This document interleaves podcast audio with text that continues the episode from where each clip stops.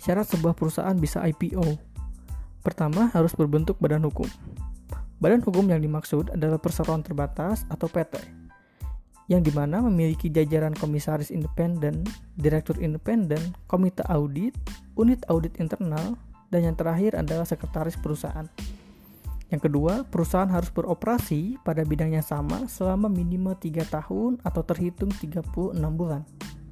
Yang ketiga, perusahaan harus membukukan laba usaha pada satu tahun terakhir.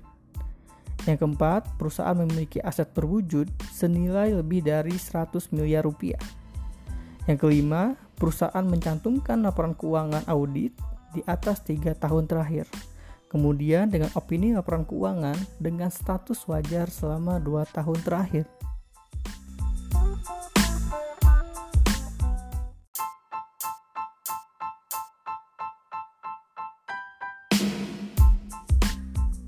Mengapa perusahaan melakukan IPO? Yang pertama adalah mendapatkan dana dari publik yang membeli sahamnya. Dana ini akan digunakan perusahaan untuk berekspansi dan mengembangkan perusahaan untuk menjadi lebih besar lagi. Yang kedua adalah citra dan image perusahaan yang akan terus meningkat. Perusahaan publik sangat sering diliputi oleh media. Bila mampu mengelola dengan baik, sorotan media ini akan mampu menjadi alat marketing yang paling efektif bagi perusahaan. Yang terakhir adalah nilai kapitalisasi sebuah perusahaan memiliki peluang untuk terus meningkat di masa yang akan datang seiring dengan kenaikan harga sahamnya.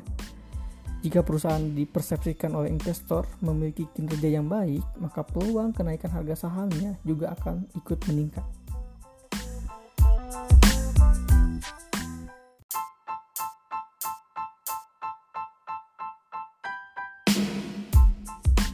Initial Public Offering yang disingkat dengan IPO adalah penawaran saham perdana atau suatu proses di mana sebuah perusahaan melepas kepemilikan saham untuk pertama kalinya ke publik. Setiap perusahaan harus melewati proses IPO ini untuk bisa mencatatkan sahamnya di Bursa Efek Indonesia. Dan perusahaan tersebut menjadi milik publik atau bisa disebut dengan perusahaan go public.